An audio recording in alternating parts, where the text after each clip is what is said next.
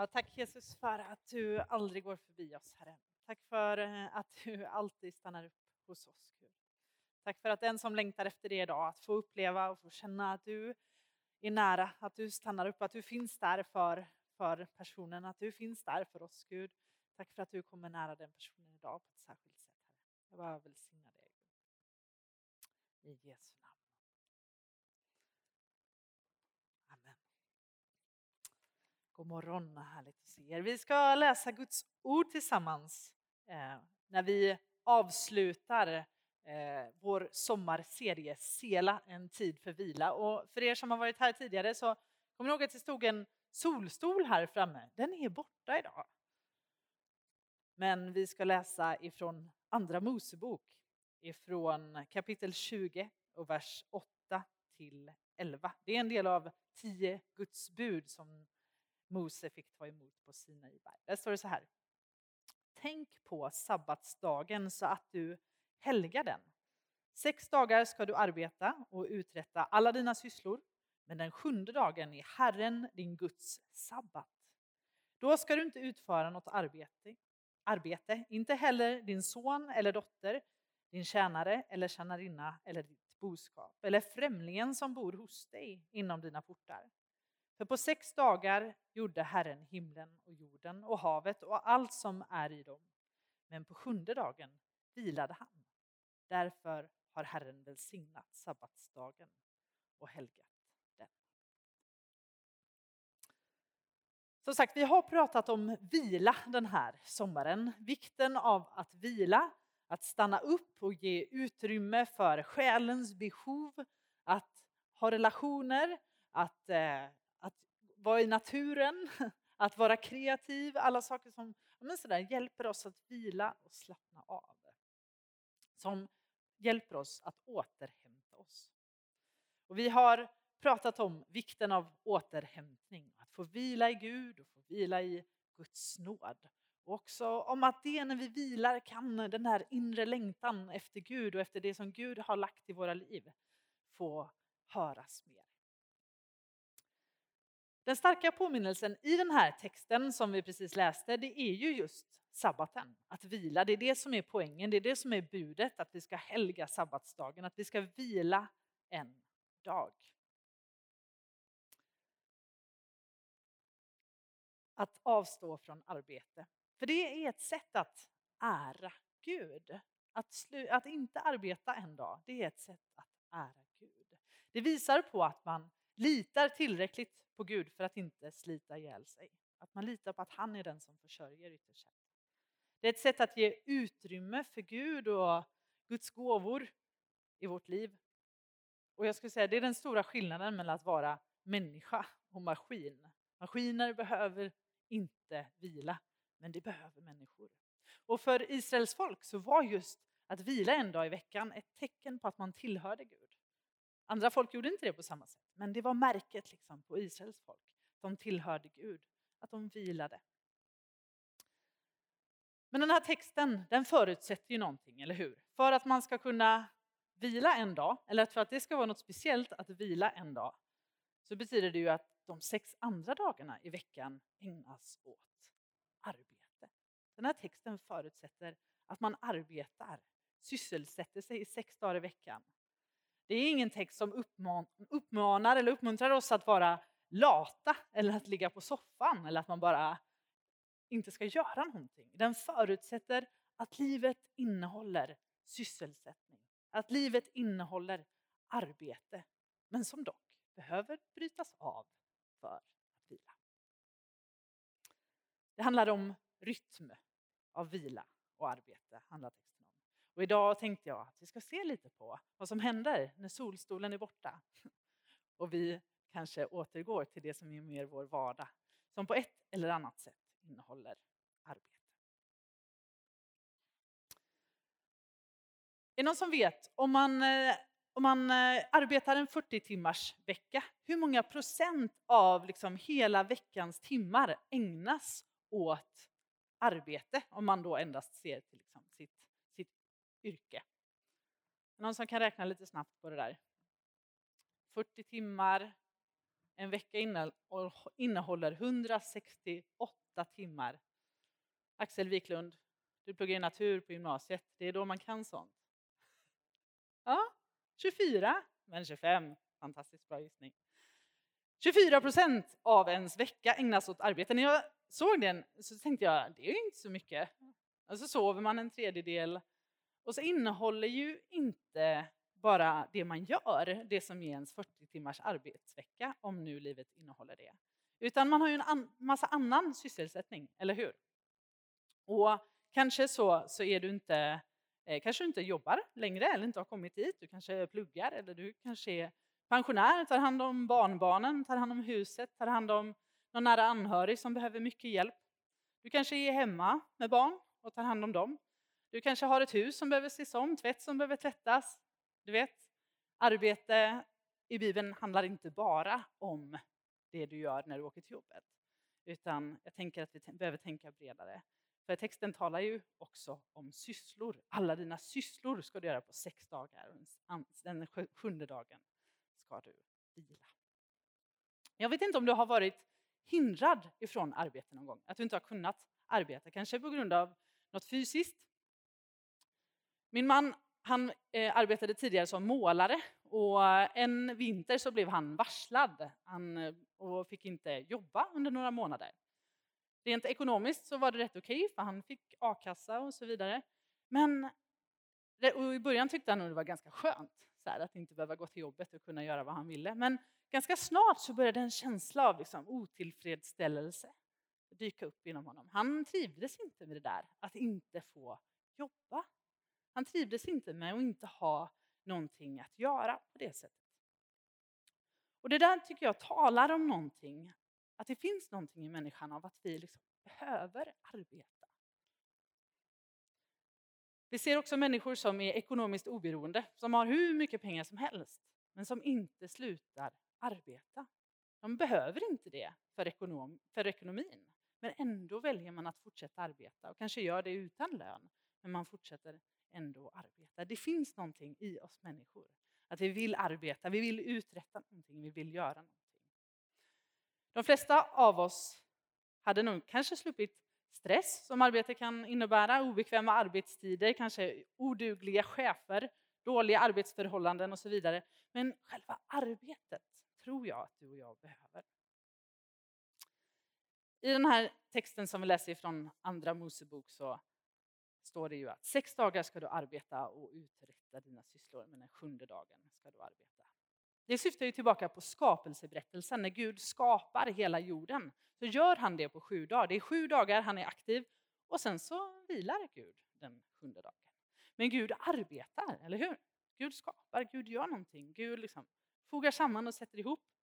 Och jag kan fundera på ibland om Gud fortfarande vilar var sjunde dag. Jag tycker han är ganska aktiv hela tiden. Men ja, får fråga honom lite om det. Men det säger mig att arbete är någonting gott. Arbete är någonting bra. Arbete är någonting vi behöver. Innan syndafallet, i första Mosebok 2 och 15, alltså innan synden kommer in i världen och massa saker vänds upp och ner och inte blir som Gud har tänkt det, så står det att Herren Gud tog mannen och satte honom i Edens lustgård för att odla och bevara den. I Bibel 2000 står det bruka och vårda den. Gud satte mannen i Edens lustgård för att arbeta. Det var, fanns innan syndafallet. Ibland så kanske man känner att så här, ja, arbete det är bara syndafall. Och då kanske tänker vi i himlen, där ska vi bara få vila. Men jag skulle vilja ifrågasätta det där idag. För den synen vi ibland har på arbete, att det är mycket strävan, mycket jobb, tror jag kommer ifrån att, att jorden förbannas efter syndafallet. Och det står så här, Gud säger till Adam, med möda ska du livnära dig, av den så länge du lever. Törne och tistel ska den bära åt dig, och du ska äta av markens örter.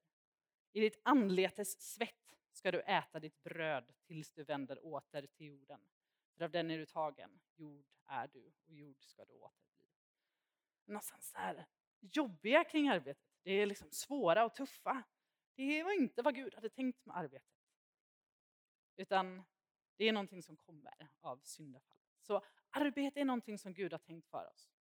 Men det är skillnad på arbetet före och efter. Men det är tänkt för oss från skapelsen. Och ibland har jag och läst teologer som tänker att vi faktiskt ska arbeta i himlen. Att det inte bara blir liksom att vi ska ligga på soffan. Nej, men att det bara ska vara någon, någon salig liksom, eh, tillställning där man inte gör någonting. Utan eftersom Gud tänkte arbete innan syndafallet, när han skapade världen perfekt, så varför inte kunna arbeta i himlen? Fast under ganska annorlunda förutsättningar. Jag tycker det är en spännande tanke. Jag slår inte fast att det är så, men jag vill utmana med dig med den idag. Det är någonting som är nedlagt i oss. Människan är skapad för att arbeta. Och på det sättet så är arbete, din sysselsättning, det du fyller dina vardagar med, det kan också få vara, och det är, ett sätt att ära Gud. Precis som att vila är ett sätt att ära Gud, så kan du också få ära Gud med ditt arbete. I Kolosserbrevet 3 och 22 så står det Ni tjänare, lyd era jordiska herrar i allt. Inte som inställsamma ögontjänare, utan med uppriktigt hjärta i vördnad för Herren. Vad ni än gör, gör det av hjärtat, som för Herren och inte för människor. Ni vet att det är av Herren ni ska få arvet som lön. Det är Herren Kristus ni tjänar. Den som gör orätt ska få igen och den orätt han har gjort utan partiskhet. Paulus menar att de jobb de utför, det här är talat till slavar till och med, som vi kan tänka i förhållanden, inte rent översättligt, men ändå en arbetare idag. Någon som liksom jobbar på bandet på Volvo eller vad det nu skulle kunna vara. Liksom. Gör det av hjärtat för Herren, inte för människor. Ni vet att det är av Herren ni ska få arvet som lön. Gör det bästa du kan, säger Paulus. Tänk på att det du gör, det du utför, ditt dagliga arbete, din sysselsättning.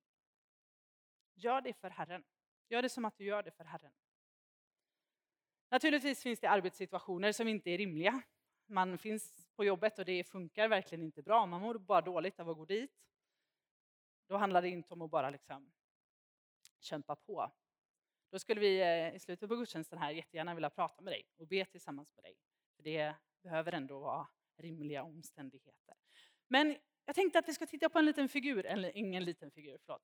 En, vi ska titta på en, en kille, en man i Bibeln och hur han, hur han och hans arbete får göra stor skillnad. Och så kan vi se om vi kan få bli lite inspirerade av Josef, eller som min fyraårige son som har svårt att säga, Josef säger Jofes, så skulle jag säga Jofes, så är det för att jag bara hör det. Okej, okay. Josef. Han var 17 år när han blev såld av sina bröder. Hans bröder de var lite avundsjuka på honom, så de sålde honom till några ismailiter som tog med honom till Egypten. Och I Egypten så blev han såld igen till Potifar som, eh, som, var, eh, som var den som ledde landet i Egypten. Men det står i texten att Herren var med Josef och han blev en man som lyckades med allt. Han var i sin egyptiska, alltså hos Potifar, i hans herres hus och hans herre såg att Herren var med honom eftersom Herren lät allt han gjorde lyckas i hans hand. Josef fann nåd för Potifars ögon och fick betjäna honom. Potifar satte honom över hela sitt hus och lämnade allt han ägde i Josefs händer. Och från den stund han satte honom över sitt hus och alla sina ägodelar så välsignade Herren Egypten, Egyptens hus för Josefs skull. Han välsignade, han, Herren välsignade, Herrens välsignelse förlåt, vilade över allt som var hans, både hemma och ute på marken. Josef blev även arbetare hos Potifar. Och han arbetade där och Herren var med honom på hans arbete. I hans jobb, i hans sysselsättning, det han sysselsatte sig med om dagarna, där var Herren med. Och sen så läser vi om att Josef han blir frestad av Potifars fru som blir lite, får ögon för Josef. Och han, eh, han flyr den frestelsen, han liksom går inte på den. Men han råkar ändå illa ut. Ni kan läsa historien i Första Mosebok. Och det slutar med att Josef hamnar i fängelse utan att han har gjort något. Han råkar illa ut på jobbet utan att ha gjort någonting. Men Herren var med Josef. och, lät honom, eh, och gav honom nåd och lät honom bli vänligt bemött av föreståndaren för fängelset. Och där lät han Josef ha ansvar för alla fångar i fängelset och göra allt som skulle göras där. Föreståndaren för fängelset bekymrade sig inte om något som Josef hade hand om eftersom Herren var med honom och lät honom lyckas i allt han gjorde. Så nu hamnar Josef i fängelse. Men Josef fortsätter kämpa på. Han jobbar på, han är inte upp, han lägger sig inte och gråter i ett hörn utan han, ja nu är vi här, då gör vi det bästa vi kan här. Och det gör skillnad och Gud använder honom och Gud låter det gå väl för honom i det här fängelset. Så han får förtroende och han får hjälp. Han är med och betjänar sina medfångar. Han eh, uttyder drömmar för dem. Två stycken. En som det ska gå bra för och en som det inte ska gå så bra för. Och så får de se att det faktiskt hände. Och så en dag när den ena då av hans medfångar finns hos Potifar igen så får Potifar en dröm som han inte förstår och ingen kan hjälpa den med honom. Och då kommer den här gamla, eller den här gamla kompisen från fängelset. Han tipsar om Josef och så får Josef komma tillbaka till sin före detta chef som en gång satte honom i fängelse. Och då kan man ju tänka att man hade kunnat, liksom, jag kanske hade bara, ja, skyll dig själv, du var inte så schysst mot mig, varför ska jag vara schysst mot dig? Men det gör inte Josef. För Josef har ett hjärta av att betjäna, ett hjärta av att gå efter Gud, att lyda Gud och göra det bästa han kan där han är med det Gud, som Gud har gett honom. Så han, eh, han betjänar farao igen. Och han hjälper honom att tyda drömmen som handlar om att det ska bli tre, sju svåra år, nej, sju goda år och sen sju svåra år med vad det gäller skörden i landet. Och igen så får Josef utrymme. Igen så får Josef ta ledarskap. Och den här gången så låter Potifar inte bara ta hand om hans hus utan ta hand om hela landet. Och genom Josefs villighet och genom Josefs klokhet och vishet och kunskap så får hela världen, som det står i texten, men hela liksom den då befolkade delen av jorden får mat, slipper svälta. För att Josef har ordnat upp det så att, och sparat i de goda åren för att sen kunna ha i ladorna för de, de svåra åren.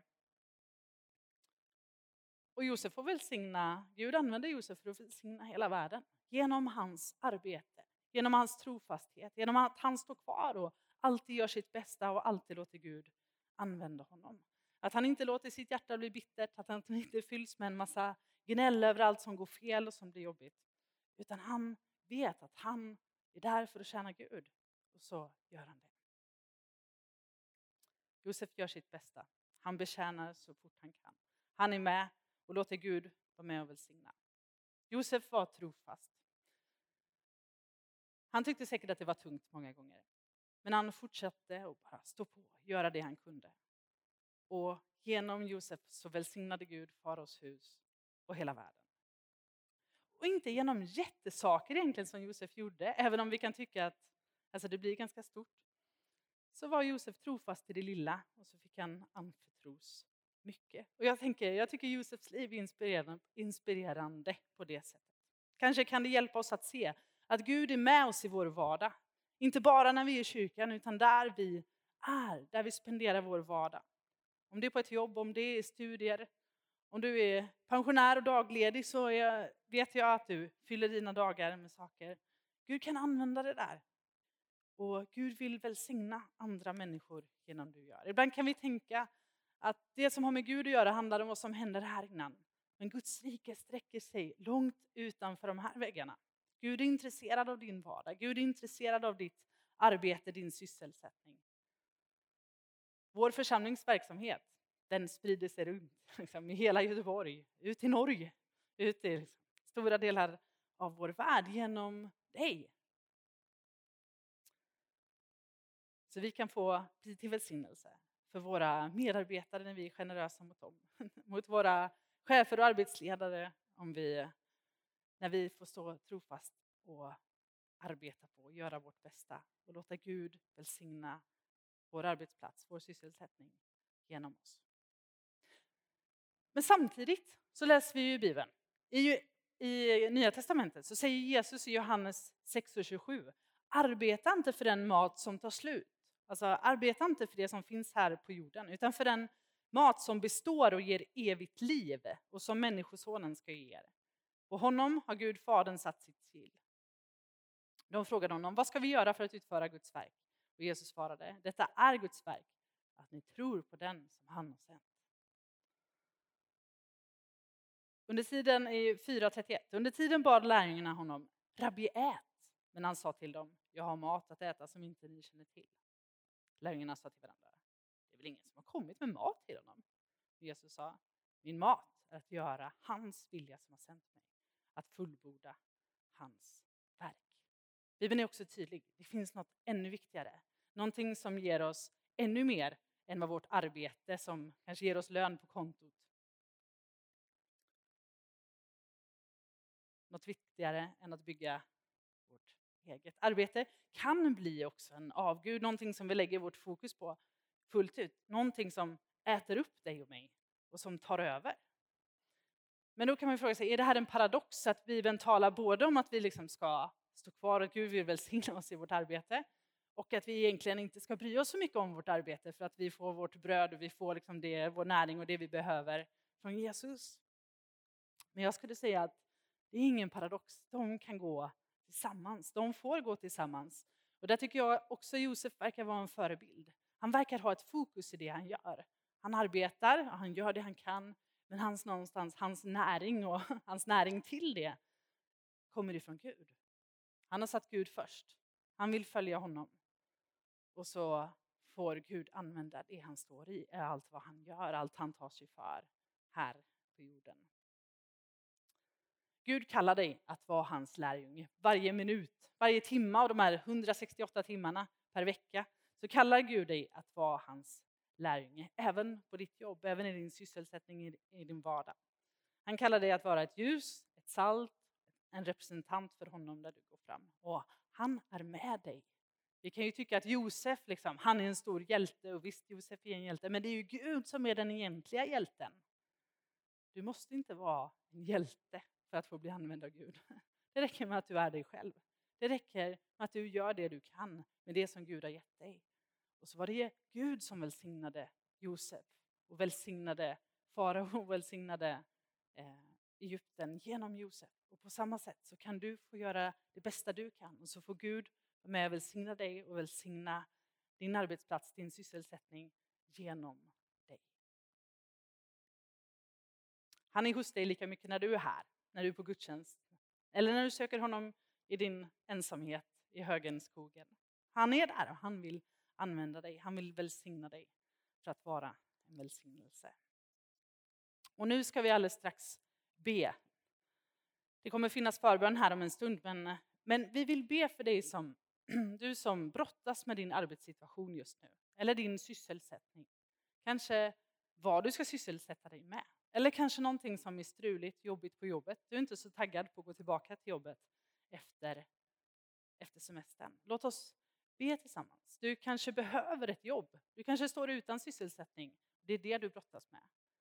Du kanske är pensionär och önskar mer av meningsfull sysselsättning i ditt liv. Du kanske har kraft men inte riktigt vet var du ska lägga den. Vi vill be tillsammans med dig. Du kanske står och brottas med om du ska byta arbetsplats. Du kanske finns i någonting nu men kanske du funderar på att gå någon annanstans. Du kanske inte trivs. Du kanske behöver ett mirakel på ditt jobb. Du kanske behöver att det verkligen blir en förändring i kultur och i hur man behandlar varandra på ditt jobb. Eller så kanske du har fastnat i negativa spår kring din arbetssituation, din sysselsättning. Kanske blir det mycket att du tycker att det är jobbigt och tufft och det där bara maler och så blir det onda spiraler av det. Låt oss be tillsammans. Eller så kanske du längtar efter att få vara till ännu mer välsignelse på ditt jobb. Du kanske trivs och har det bra men bara, ah, men jag skulle vilja få ännu mer i min sysselsättning, få lysa av Jesus och få vara ett salt och få visa på vem han är. Att kanske längtar efter att ännu mer få dela med dig av Jesu kärlek på ditt arbete, på din studieplats där du finns. Och möta de behov, orka möta de behov som finns vi vill be tillsammans. Men sen också tänker jag på just det här som vi läste. Tänk på sabbatsdagen så att du helgar den. Sex dagar ska du arbeta och uträtta alla dina sysslor.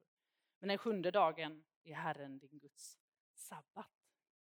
Kanske brottas du med det. Kanske har du fått god vila, god semester nu under sommaren. Men du är lite orolig för vad ska hända nu? Nu när vardagen börjar igen. Kommer allt gå i 110 och knäcka mig? Kanske behöver du hjälp av Jesus för att hitta den här rytmen i livet av arbete och vila. Då vill jag också be för dig. Så jag tänker att vi kan bara blunda tillsammans. Och är det så att någonting av det här, att du vill vara till större välsignelse, att du behöver ett mirakel på ditt jobb eller du behöver en förändrad arbetssituation på något sätt. Eller du bara kanske känner att Jesus, hjälp mig att hitta en bättre rytm. Så kan du bara få lyfta din hand som ett tecken inför Gud. Att, att jag behöver hjälp, jag behöver, jag behöver förändring.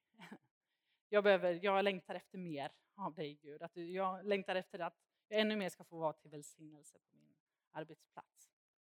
Jesus, jag tackar dig för, för händer som sträcks. Jag tackar dig för längtan i människors hjärtan här inne just nu. Du ser varje situation, du ser vad varje hand betyder.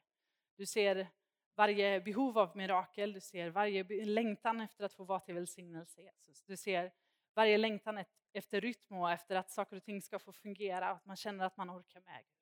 Tack för att du kommer och mäter, tack för att du har svaret, tack för att du utrustar, tack för att du kallar oss Herre att arbeta, att sysselsätta oss och att göra det för dig. Varje stund att göra för dig. Att det får vara en ära för dig. Att vi arbetar och sysselsätter oss och gör den här jorden till en bättre plats. I Jesu namn. Amen.